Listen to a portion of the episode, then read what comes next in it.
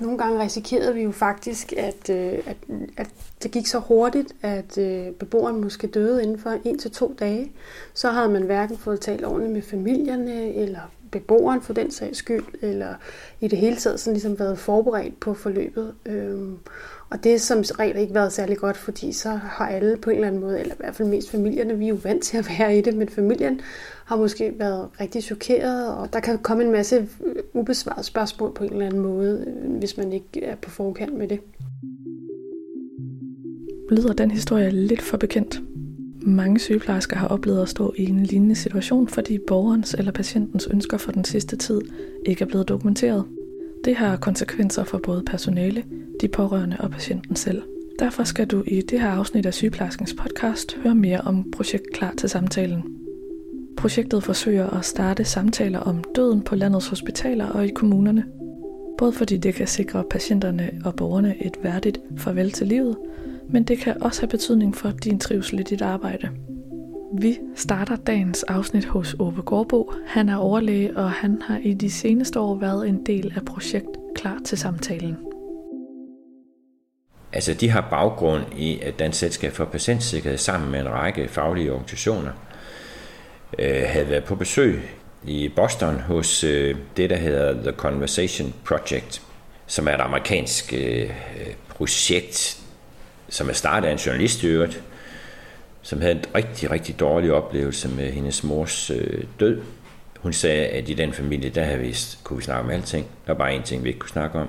Og det endte med, at alting gik øh, forkert, da hendes mor skulle dø.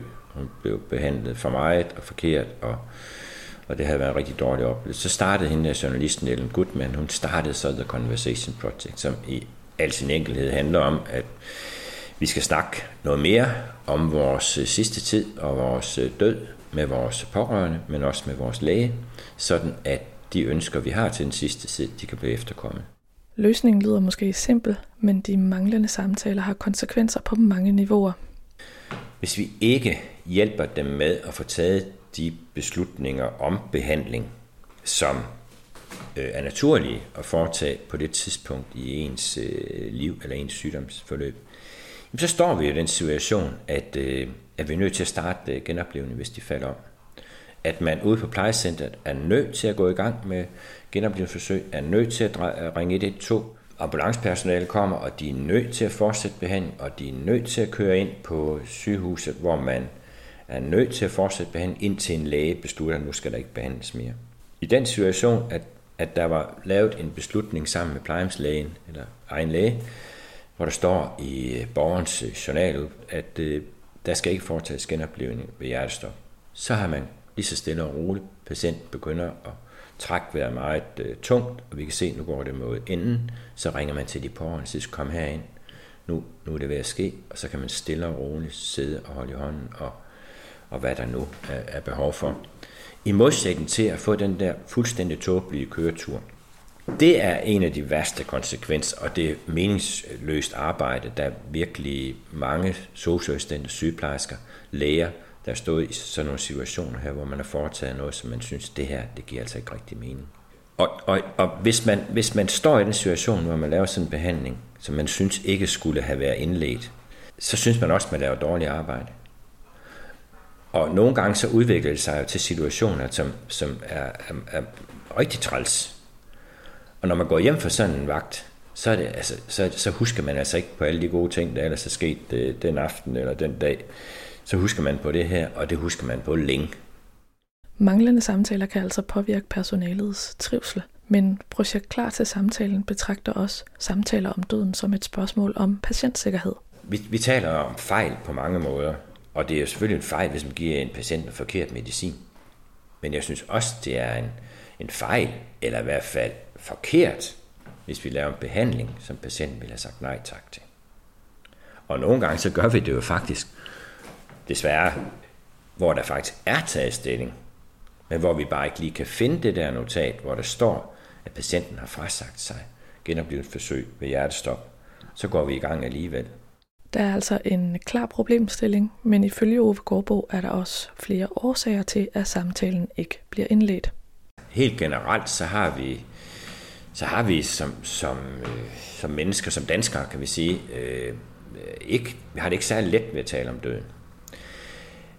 Og det er måske ikke helt rigtigt, fordi altså hvis man ser på, hvad der sker i samfundet, så, så er der enormt meget dødssnak og der er enormt meget død. Hvis du åbner fjernsyn, så er halvdelen af det er jo nærmest død. Ikke? Vi kan godt tale om, at der er nogen, der er døde og sådan noget, men at tale om vores egen død, eller tale om din død, mens jeg sidder og kigger dig i øjnene, det er svært. Fordi det kræver, at man virkelig har en personlig ro til at kunne være i, i den situation. Og det, øh, det er læger og sygeplejersker heller ikke nødvendigvis særlig gode til vi er måske også blevet overvældet hen over de sidste 10, 20, 30 år, blevet overvældet af al den succes, der har været med at udvikle behandling, hvor vi faktisk jo i dag er i stand til at, at forlænge livet, og også forlænge livet på gode måder i mere og mere.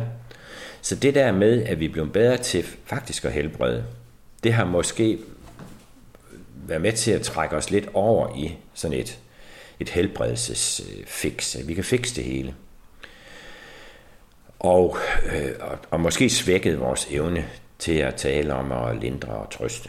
En gang var det jo det eneste, man kunne. Der var meget lidt, man kunne øh, helbrede, og derfor så er man selvfølgelig nødt til at tænke rigtig meget på at lindre og trøste. Og det er som om, vi har, vi har glemt det lidt. Og det ikke er så vigtig en del, og ikke har været så vigtig en del af, af vores arbejde. Og det, det skal det jo blive igen, fordi uanset uanset at vi bliver nok så gode til at forlænge øh, livet, og også forlænge det med ordentligt liv. Projekt Klar til Samtalen har fulgt en række tiltag på forskellige hospitaler og i en række kommuner i hele landet. Det er det gjort for at se nærmere på, hvordan man kan tage hul på den svære samtale. Et af de steder, hvor man er begyndt at gøre noget nyt, er på Bakkegården i Gladsaxe. På Bakkegården i Gladsaxe bor 107 beboere med demenssygdom. Bofællesskabet Udsigten er hjemligt indrettet, har sort-hvide billeder af gamle København på væggene. Der er eftermiddagskaffe på kanden, og i stuen følger to små papegøjer med i Matador. Men udsigten er også beboernes sidste hjem. Derfor har de gjort en særlig indsats for at få indsigt i beboernes ønsker for den sidste tid. Vi har talt med sygeplejerske Maria Vinter Midjord, som er daglig leder af udsigten. Man kan sige, at vi har fået sat det meget mere sådan på en eller anden måde i schema, øh, ved at sige, at vi holder en indflytningssamtale maks en måned efter de er flyttet ind, og det får ligesom at lære dem lidt bedre at kende. Og til den her indflytningssamtale, så får familierne og beboeren, hvis beboeren kan være med, at vide, at øh, om tre måneders tid, så bliver de inviteret ind en gang til til en samtale omkring den sidste tid.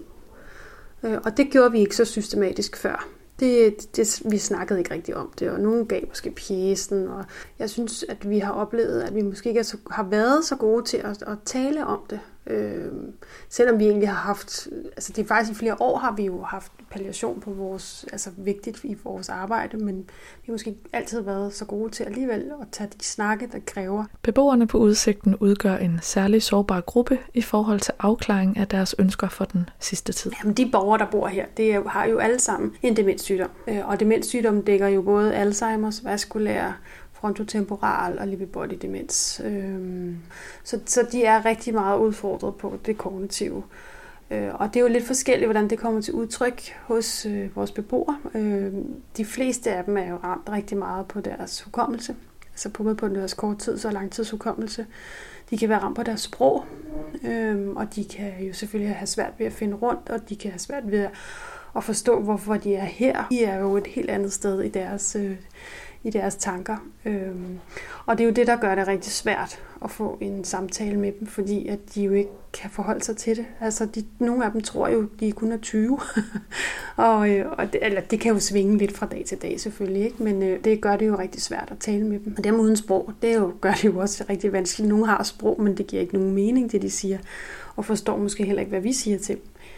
Øhm, så derfor så er vi jo særligt udfordret på de samtaler, i hvert fald med, hvis man skal gå en til en til beboeren, uden at have deres familie med. De pårørende spiller en ganske særlig rolle i forhold til samtalerne om beboernes ønsker for den sidste tid. Det har de arbejdet meget struktureret med på Bakkegården. Altså efter vi har været en del af det her klar til samtale, så har vi jo også haft øh, nogle familiemedlemmer inden, der er blevet interviewet øh, i forhold til den sidste tid. Vi har en pjæse, øh, som vi har haft i lang tid, øh, som vi sådan ikke altid har været lige gode til at dele ud øh, tidligere. Øh, den pjæse kom også i spil i forhold til familierne, for at se, om de forstod overhovedet, hvad der stod i den. Og vi har været meget ude i, jamen skal vi allerede ved indflytningssamtalen ligesom give dem den her pjæse, og skal vi allerede der tage fat i den samtale, fordi øh, at øh, det er jo vigtigt, at vi får talt om den sidste tid. Og der var sådan en helt klart tydelig tilbagemelding fra familierne, at det, det var simpelthen ikke noget, man skulle gøre ved en indflytningssamtale. De havde så mange andre ting i hovederne. De var følelsesmæssigt helt fyldt op i forhold til øh, at, altså, at skulle tage en beslutning om, at nu skulle deres kære på plejehjem. Det er jo forskelligt, hvem man er og hvor man er henne i forløbet, men de fleste synes jo, det er rigtig, rigtig svært. Og der er rigtig mange ting, som praktiske ting, man skal have styr på, og i det hele taget det der med, at man er fyldt op med dårlig samvittighed, og alle de følelser, der følger med. Øhm, og hvis man så også samtidig oven i det skulle til at tage stilling til, hvad der skulle ske i den sidste tid, det var, det var simpelthen for meget for dem. Og de var sådan rimelig klare i spyttet på, at øh, jamen, tre måneder, omkring tre måneder efter en indflytning, så var man ligesom sådan faldet mere til ro i, i det hele, og man havde ligesom vendet sig til tanken om, at nu, nu bor man ens kære her, og, øh, og så var man klar til at kunne gå et skridt videre.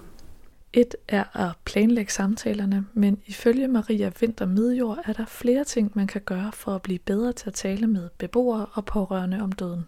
Jamen altså, det, man øver sig jo ved både at blive bevidst om, om sin egen død på en eller anden måde, og at gøre sig selv nogle tanker om det. Ligesom, altså, hvad, er ens, hvad vil man gerne, ens livstestamente på en eller anden måde, altså og behandlingstestamente, hvordan vil man gerne selv herfra?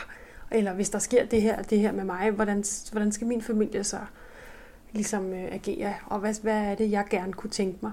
Øhm, ja, det har jeg i hvert fald selv taget stilling til, og jeg synes, det gør det nemmere at tale om, fordi man jo selv på en eller anden måde bliver bevidst om, at jamen, du skal også dø en dag. Og når man sådan ligesom gør sig de tanker, så er det bare som om, det er nemmere at snakke om på en eller anden måde. Øh, fordi så er det bare lidt mere naturligt. Hvis man ikke tænker, at døden det er sådan noget, der aldrig sker for mig. men, men det gør det jo. Og så øver man sig både ved at tale med øh, sine kollegaer, simpelthen tage nogle drøftelser omkring det, og turde gøre det, og have tillid til hinanden. Øh, og så simpelthen tage, kaste sig ud i det og tage nogle flere snakke med, med familierne og også beboerne. Og lige pludselig kan man have en, en situation, hvor man kan komme ind i en samtale, hvor man simpelthen kan gribe den, det, der, hvor man er, og så kan man faktisk få en snak omkring det. Øhm, og et godt eksempel, det var det med, med en beboer, vi har heroppe, hvor vi sådan havde haft, vi havde selvfølgelig talt om alt det her med palliation, og så var det pludselig naturligt, at den her snak kom, og så kunne hun selv give udtryk for, at når hun skulle herfra, så skulle hun ikke have noget tøj på, fordi hun ville ikke have tøj på kisten. Og det er jo rigtig vigtig viden for os, fordi normalt så øh, giver vi dem jo pænt tøj på, eller spørger familien, hvad for noget tøj skal de have på, og sørger for, at det ser pænt og ordentligt ud. Men øh, hvis hun ikke havde sagt det til os, så ville vi jo have givet hende tøj på. Og, og det skal jo respekteres, at hun selvfølgelig gerne vil nøgen i sin kiste. Øhm, og det er jo rigtig vigtigt, så det skynder vi os selvfølgelig at skrive ned ind i vores dokumentationssystem og taler om det, så det ligesom også bliver bredt ud, så alle ved det. Planlægningen af samtalen har gjort en stor forskel for forløbene på Bakkegården. Altså lige præcis det der med, at man ved, øh, hvordan de gerne vil have det. Altså det betyder noget, øh, at, at man ikke, man ikke tænker, åh oh, gud, vi skal også lige have den der samtale, men at man egentlig har haft det haft det gjort, og at der er taget stilling til, til tingene, det gør det bare nemmere. Og, øh, og så kan vi lige med det samme også få lægen på, på banen i forhold til genoplevelse. Så kan de vurdere det. Skal patient, eller beboeren genopleves eller ikke genopleves? Og så skal vi ikke gå og være øh, bekymret for det, fordi det er, jo, det er jo heller ikke særlig rart at skulle genopleve nogen, hvor man egentlig tænker, hmm, hvad er formålet med det? Min erfaring siger mig, at de gange, vi har måttet genopleve nogen her, så går der ikke ret lang tid, så dør de alligevel.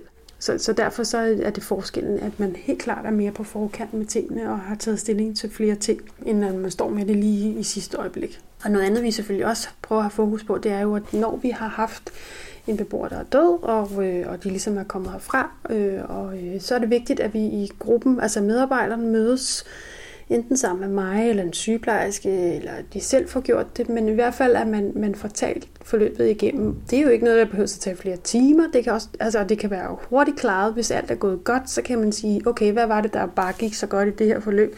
Hvor, hvor var vi rigtig godt på forkant, og dit forløb, der går lidt dårligere. Det er jo også vigtigt at fortælle dem igennem og finde ud af, hvad kunne vi gøre bedre til næste gang? Hvad er det, vi ikke har set, og så videre. I det hele taget har fokus på samtaler om den sidste tid medført, at der er mere åbenhed om dødsfald på Bakkegården. Mine bofællesskaber her, de har nogle lanterner, Så når en beboer dør, så sætter man lanternen ud foran døren eller op i dagligstuen, og så, øh, så alle ligesom, jamen, så ved også andre, der kommer her, rengøring og så videre, at jamen, der er faktisk en, der er død her. Og så har vi faktisk også aftalt, at man siger det. Øh, det kan være over kaffen eller ved frokost, hvordan det passer ind. Øh, så siger man simpelthen også, jamen, hvis det er Ruth er afgået ved døden i går, eller hvad man, hvordan man nu formulerer det, så beboerne ved det. Øh, det er ikke altid beboerne, som registrerer det, men nogen gør jo, og de spørger jo efter vedkommende, hvis de er vant til at sidde ved siden af dem, så er det da også mærkeligt, at de pludselig er væk. Og jeg tror, før i tiden var man sådan lidt, oh, nej, det er privat, der har vi tavshedspligt, det må vi ikke sige noget om. Men, men vi kan jo også godt se, jo mere vi laver vores, vores plejehjem om til et hjem, jo mere naturligt er det jo også, at vi taler om det. Altså det bliver vi jo nødt til at snakke om, fordi det vil da være mærkeligt, når nogen forsvinder fra hjemmet, og man så ikke kan tale om, hvorfor de ikke er der mere. Hvis du sidder derude og er blevet inspireret til at komme i gang med arbejdet på din arbejdsplads, så får du her Marias bud på, hvordan man kan komme i gang med det. Jeg tror, det er vigtigt, at man i, sin gruppe, sin, øh, altså dem man arbejder sammen med, at man ligesom får sat fokus på det og simpelthen få kigget på, hvad er det for noget materiale, vi har liggende om palliationer den sidste tid, hvad er det, vi skal være, hvad er det, vi mangler på en eller anden måde. Altså vi har jo super meget materiale om, hvad, altså, hvad for noget medicin kan man give, og rigtig mange vejledninger på det ene og på det andet. Øhm, og det er jo noget, vi har haft igennem flere år, øhm, men, men man er også nødt til hele tiden sådan at at holde det lidt øh, med lige på en eller anden måde, og man skal tale om det. Man skal ikke bare sige, at det fik vi lavet det, og så lægger vi det væk. Og så, fordi så er det, det forsvinder lidt ned i bunkerne, når man så starter på noget nyt. Så, så det er vigtigt, tror jeg, at man, man, øh, man ligesom prøver at finde ud af, hvad er det for noget materiale, vi har, hvor er det, vi godt ved, vi skal blive bedre. Det tror jeg, de fleste steder godt ved. Og så må man ligesom tage det fra en ende af, og så simpelthen have fokus på det, og så starte øh, med at sige, jamen okay, vi kan se, det er samtaler, vi skal have nogle flere af, og så må man prøve at sætte, på en eller anden måde sætte noget system i det, og så øh, tage det åbent og tage et snak omkring det, både altså med medarbejdere, med ledere, med, med alle dem, som omgås patienter beboere, hvor man nu øh, arbejder hen. Afslutningsvis kommer Ove Gårdbo også her med et bud på, hvordan man kan komme i gang med snakken derude. Altså egentlig siger jeg også nogle gange, lad nu være med at gøre det til at forstå det problem. Bare gå i gang. Som regel, så oplever man, at folk de synes, det er godt, at man tager hul på det. Hvis vi går til det her, så er det først og fremmest så er det godt for patienten og de pårørende. Det er også, jeg har også sagt, at det er godt for personalet, fordi at det er godt arbejde. Det er kvalificeret arbejde at sørge for at øh, hjælpe til med, at patienten kommer godt herfra. Men det er altså også godt for systemet. Der er jo ikke, øh, altså det, er jo ikke, det, er jo, det er jo ikke godt for systemet, hvis vi skal sende et hjertestophold afsted til at indlede hjertestopbehandling hos en patient, som i virkeligheden bare skulle have lov til at dø, og som i virkeligheden også selv gerne ville have lov til at dø øh, uden den her behandling. Det er altså ikke på grund af ressourcerne, at vi skal være klar til samtalen. Men jeg synes, det er forkert ikke at benævne, at vi også, øh, at vi også kan finde nogle ressourcer, som vi kan bruge til noget mere fornuftigt. Projekt Klar til samtalen er udarbejdet af Dansk Selskab for Patientsikkerhed. Det har desuden også involveret en række organisationer, herunder også Dansk Sygeplejeråd. Du kan læse mere om de forskellige projekter på Klar til samtalens hjemmeside. Hvis du har kommentar til vores podcast eller har emner, som du gerne vil have, at vi har fokus på, så er du velkommen til at kontakte os på podcast Det her afsnit det er redigeret og produceret af mig. Jeg hedder Maria Kremer, og jeg er journalist og sygeplejerske.